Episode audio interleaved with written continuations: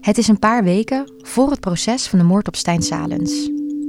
De dokter is nog altijd hoofdverdachte, al blijft hij ontkennen.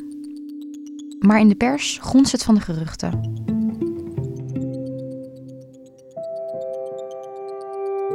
Blijft nog altijd een raadsel wat zich heeft afgespeeld in het kasteel van Wingenen bij Brugge. De schoonfamilie maakte zichzelf verdacht omdat er al lange tijd een vete is met het slachtoffer. Die verstandhouding was niet goed. Was er bovendien ook nog de klachten in verband met incest?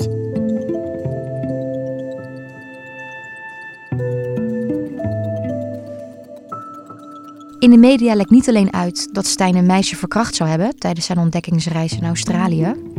Hij ging vaker te ver. Er wordt gesproken over incest met een van zijn vier kinderen. Volgens de doktersfamilie Gijzelbrecht is hier niets aan gedaan. Ze vinden dat de rijke zakenfamilie van Stijn het incestverhaal in de doofpot probeerde te stoppen. Een paar maanden voor de moord op Stijn probeert Elisabeth hulp in te roepen van haar schoonfamilie. Deze West-Vlaamse familie Salens is bekend in de streek. Ze zijn multimiljonair geworden met hun bedrijf in gewasbescherming, Sanak. Het is een gegoede familie van industriëlen, zoals je er meer hebt in de West-Vlaamse regio. Via via krijg ik in Brussel uitgeschreven telefoongesprekken van Elisabeth en haar schoonouders in handen. Het is dan een paar weken voor het proces van start gaat. Hey, sorry, ik zou nog even badje als, maar kom binnen. Ik fiets direct langs mijn NRC-collega Anouk van Kampen om samen door te nemen wat ik heb gekregen. Volgens mij geeft het veel meer duidelijkheid over de incestproblemen. In de media bleven die tot nu toe wat vaag. Nou, dit zijn, maar zeggen, afgetapte gesprekken. Waarbij Elisabeth op een gegeven moment aan de bel trekt bij die schoonfamilies, bij de familie van. Stijn Salens. En dat is in het najaar van 2011. En wat ze eigenlijk doet is aan die familie vertellen hoe, hoe hoe dat nu zit met dat incest. En dat ze hulp nodig heeft. En dat Stijn naar Australië wil vertrekken. De gesprekken dateren dus van een paar maanden voor de moord op Stijn. Najaar 2011. Dit in het rood is wat zij... Dit, dat zijn letterlijk wat, er is zij gezegd. voor- ja. Wat zij er? Oké. Dus, ehm, Anouk leest voor wat Elisabeth aan de telefoon tegen haar schoonouders zegt. We zullen beginnen bij het begin.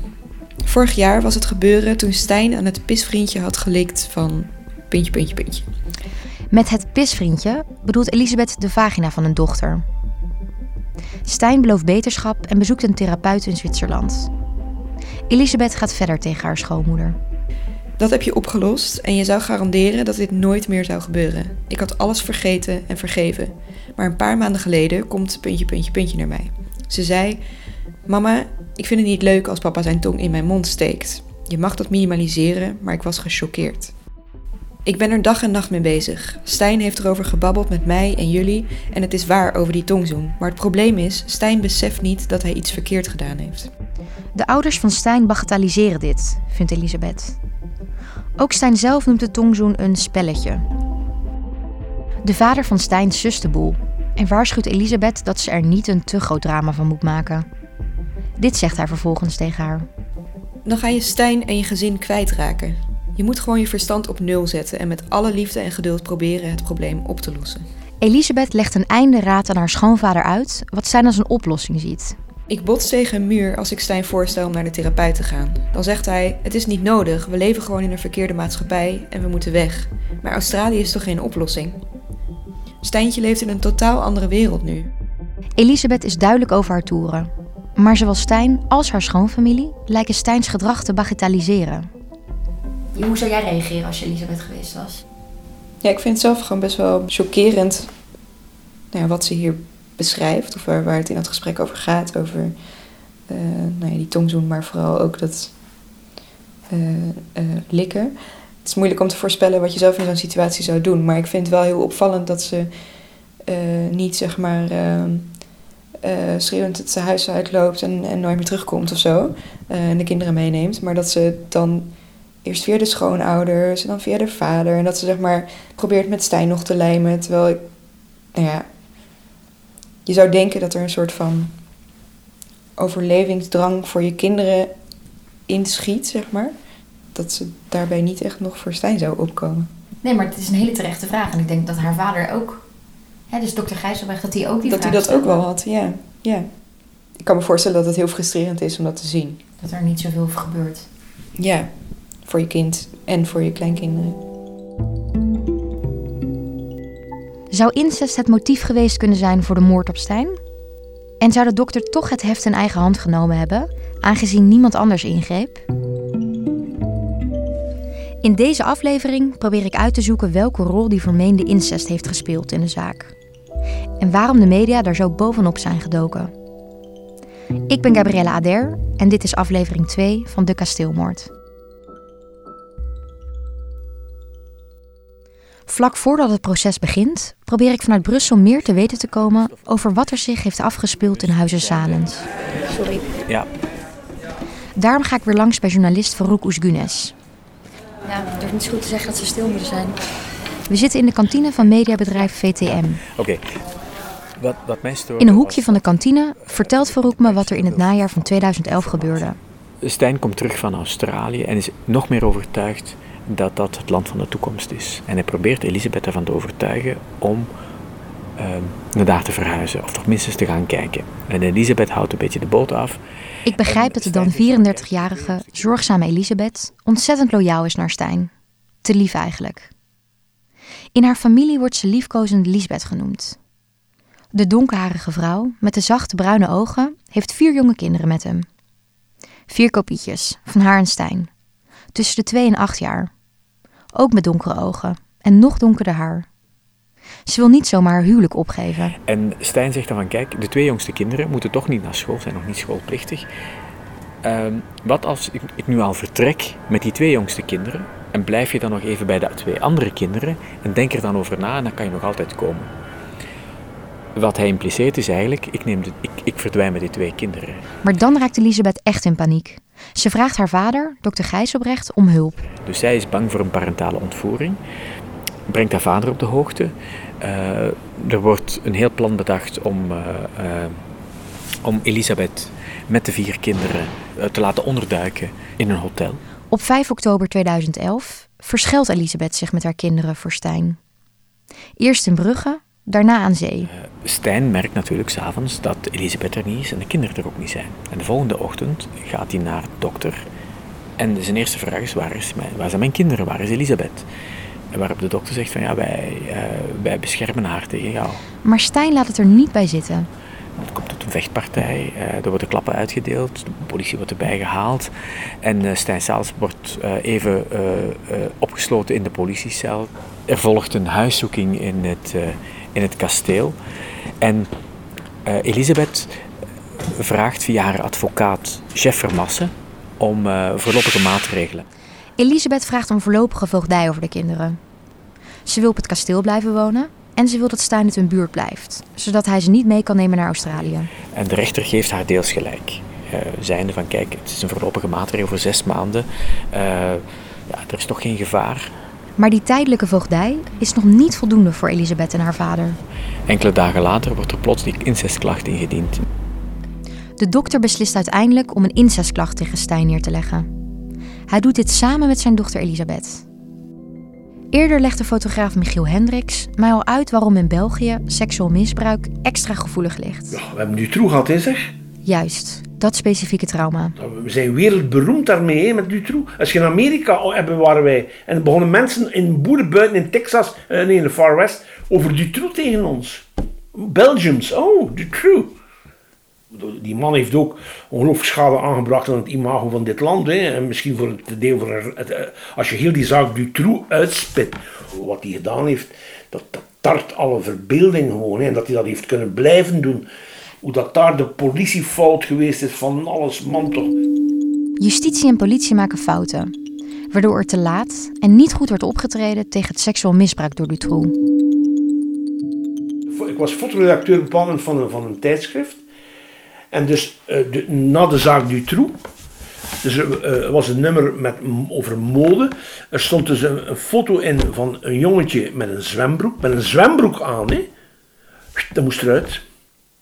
Er was niks, er was niks seksueel, maar dat was gewoon hup, weg. Kinderen met de, met de minste naaktheid, dat kon niet. Dat was, een- en dus iedereen was een soort zelfcensuur begonnen. En dus duiken de media bovenop het incestverhaal in de kasteelmoord. is die incestklacht wel goed behandeld? Zijn er geen fouten gemaakt door politie of justitie? Het werd mij snel duidelijk dat er toch een en ander uh, misgelopen is in dat onderzoek. In Brussel ga ik langs bij Bart Aarts, een journalist van de VRT, die hier ook in dook. Wat is dat voor zakje dat je hebt? Dit zakje heb ik uh, vandaag gekregen op de dienst overtuigingsstukken in Brugge, in het gerechtsgebouw daar. En daar heeft mijn iPhone vier maanden in gezeten. Dus uh, de speurders uh, uit Brugge zijn. Bart neemt me mee naar een opnamestudio in de VRT, waar hij een pakketje van de politie opent. Kijken. Dit is een beetje zo'n diepvrieszakje bijna. Er staat op Bart Aarts. Vingerafdruk beveiligd, pincode niet gekend. Bart is eind 2016 opgepakt door de politie vanwege een televisiereportage enkele dagen daarvoor. Ze stond aan de deur met een huiszoekingsbevel en dus uh, kon ik ook niet anders dan ze binnenlaten. En ik had wel verwacht dat er een reactie ging komen op uh, de reportage en, en, het studiogesprek dat wij hadden gebracht in ter zake uh, over de kasteelmoord. Het was een kritische reportage waarin hij de objectiviteit van het OM en de politie in twijfel trekt. Die zouden zich hebben laten beïnvloeden door de familie Salens. De familie zou veel machtige contacten hebben in het zakelijke en gegoede milieu in West-Vlaanderen. Ja, het is moeilijk te zeggen, ik kan er geen namen op plakken, maar uit verschillende hoeken kreeg ik informatie waaruit bleek dat er op zijn minst pogingen waren om dat onderzoek te sturen, om dat te beïnvloeden. Bart krijgt tapes van zo'n 50 getapte gesprekken in handen. Gesprekken die de familie Salens voerde met wat hoge pieven binnen politie en justitie.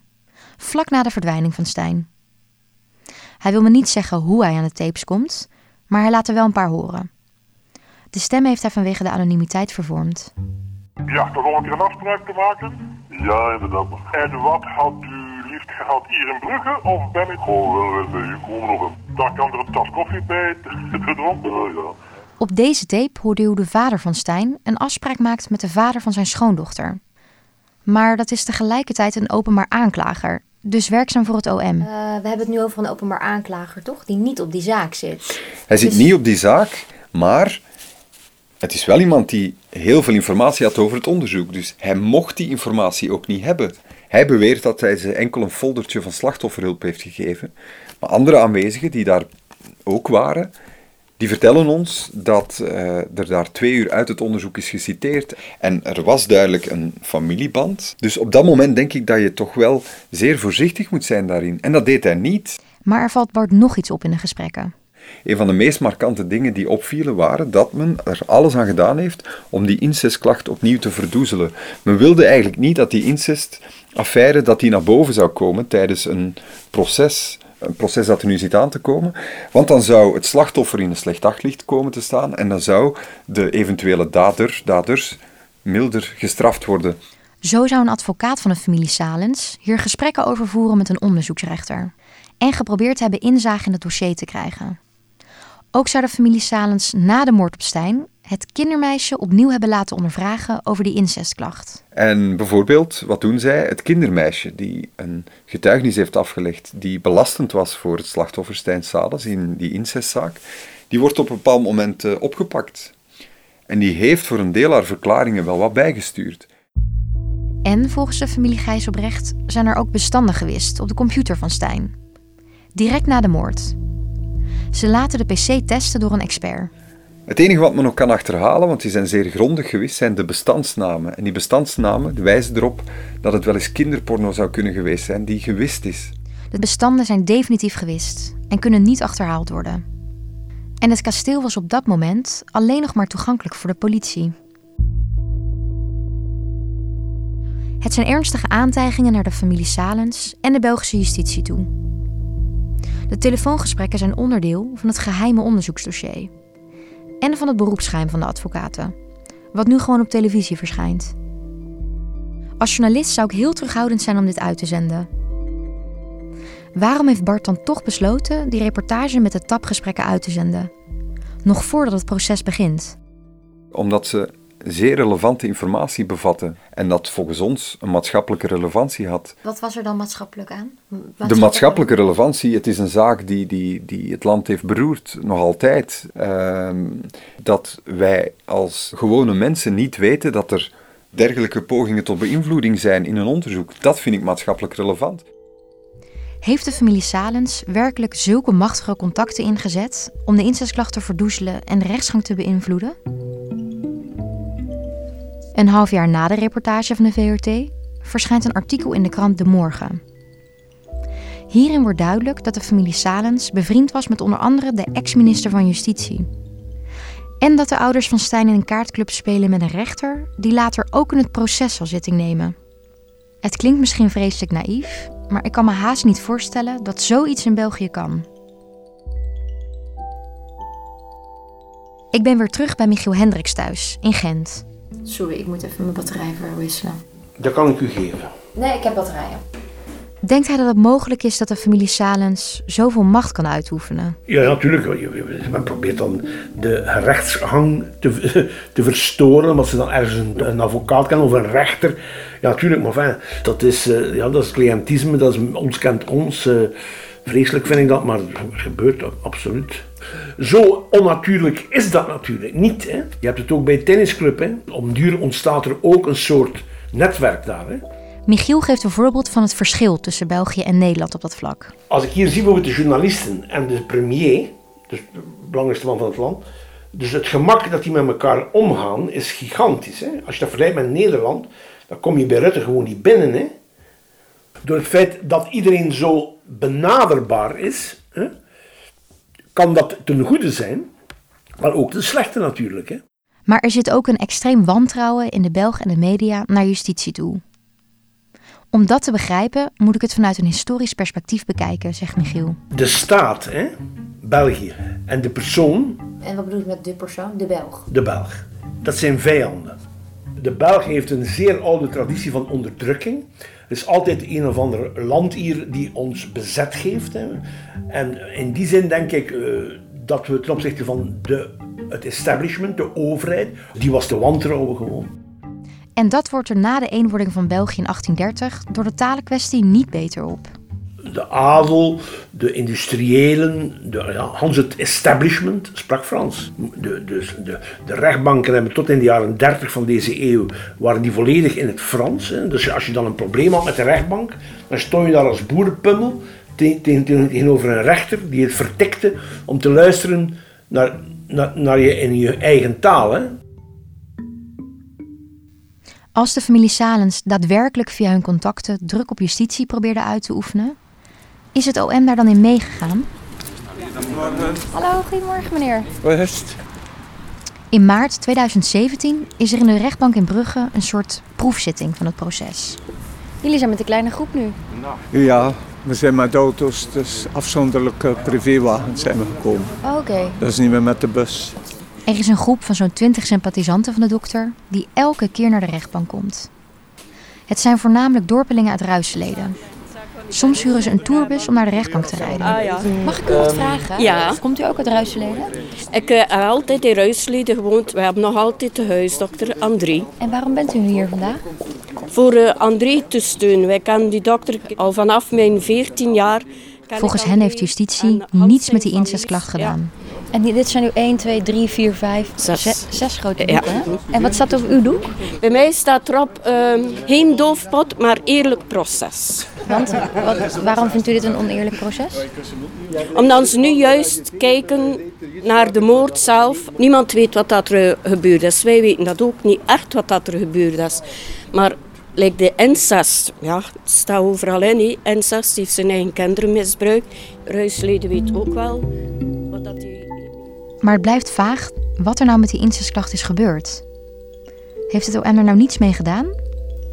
Ik vraag het later op de zitting aan wat collega's, als de onderzoekers van de incestklacht zijn ondervraagd. De advocaat van de dokter heeft er heel veel vragen over gesteld, over allemaal dingen die ze niet gedaan hebben. Niet in een bepaalde databank gekeken, Stijn Salis niet gaan, gaan zoeken, eh, bepaalde mensen niet gaan ondervragen. En dan vraag je toch af, waar zijn de kansen gemist om dit te voorkomen? Waren die kansen er? En ik krijg toch, met luisteren naar wat ik hier allemaal hoor, meer en meer het gevoel dat die kansen er wel zijn geweest. En hun uitleg is, ja, Stijn Salis zat ver weg in het buitenland. En, uh, dus er was geen gevaar voor de kinderen. Dus hebben we het maar zo zo gelaten. En we waren aan het wachten tot, de oude, tot Elisabeth, dus de, de vrouw van Stijn Salis, ons ging waarschuwen dat hij terug was. Dan zouden we terug in, in, in, in actie schieten. We waren aan het wachten op een seintje. En dat heeft ze niet gedaan, hè? Dat heeft ze niet gedaan. Elisabeth heeft inderdaad nooit aan de politie doorgegeven wanneer Stijn weer terug was van een van zijn Australië-reisjes, eind 2011. Hoewel ze zelf met haar vader die incestklacht heeft ingediend. Na die proefzittingsdag ben ik bij Jan Leijsen, de advocaat van de familie Salens. Sorry voor de vreselijk slechte akoestiek, maar het kantoor werd verbouwd. Holle resonantie. Hij vertelt me een andere kant van het verhaal rondom de incestklacht. Wat voor ons relevant is, is dat er op een bepaald ogenblik een klacht was, wellicht geïnduceerd door André Gijzelberg. Volgens hem heeft dokter Gijzelbrecht Elisabeth onder druk gezet om die klacht in te dienen. Het impact van de vader op vader Gijzelberg op zijn dochter, om zich te gaan moeien in het gezin over die zedenzaak, om de dochter aan te porren, laat ik maar zeggen van kom aan, zet stappen. Dat is dus in oktober 2011. En in de weken daarna blijven Elisabeth en Stijn telefonisch contact houden met elkaar. Elisabeth en Stijn gaan in therapie en komen zelfs weer samen tegen het einde van het jaar. Ruim een maand voor de moord. Maar dat er dus een verzoening is gekomen tussen Stijn, zijn echtgenote, en de beide families. Daar zijn uh, gesprekken geweest in een grote openheid. Heeft men dat allemaal besproken?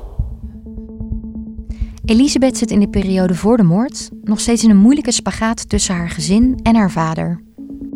Achteraf zal Elisabeth verklaren dat ze helemaal niet bedoeling niet had om die klacht in te dienen wegens incest, maar dat ze dat deed onder druk van haar vader.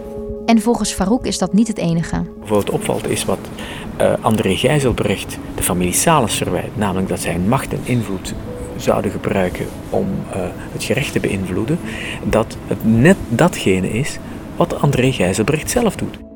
Dokter Gijzelbrecht komt niet van een bekende zakenfamilie, maar hij heeft wel een patiëntenbestand met mensen uit justitiële kringen. Hij spreekt magistraten aan die bij hem patiënt zijn. Hij vraagt: kan je contact opnemen met het parket in Brugge en proberen wat vaart te zetten achter die, die incestklacht? Hij vraagt een van de politiemensen in zijn, in zijn patiëntenbestand om hem te melden als Stijn Sales uh, naar het buitenland zou gaan. En achter Elisabeths rug om schakelt hij nog meer mensen in. Die moeten Stijn controleren.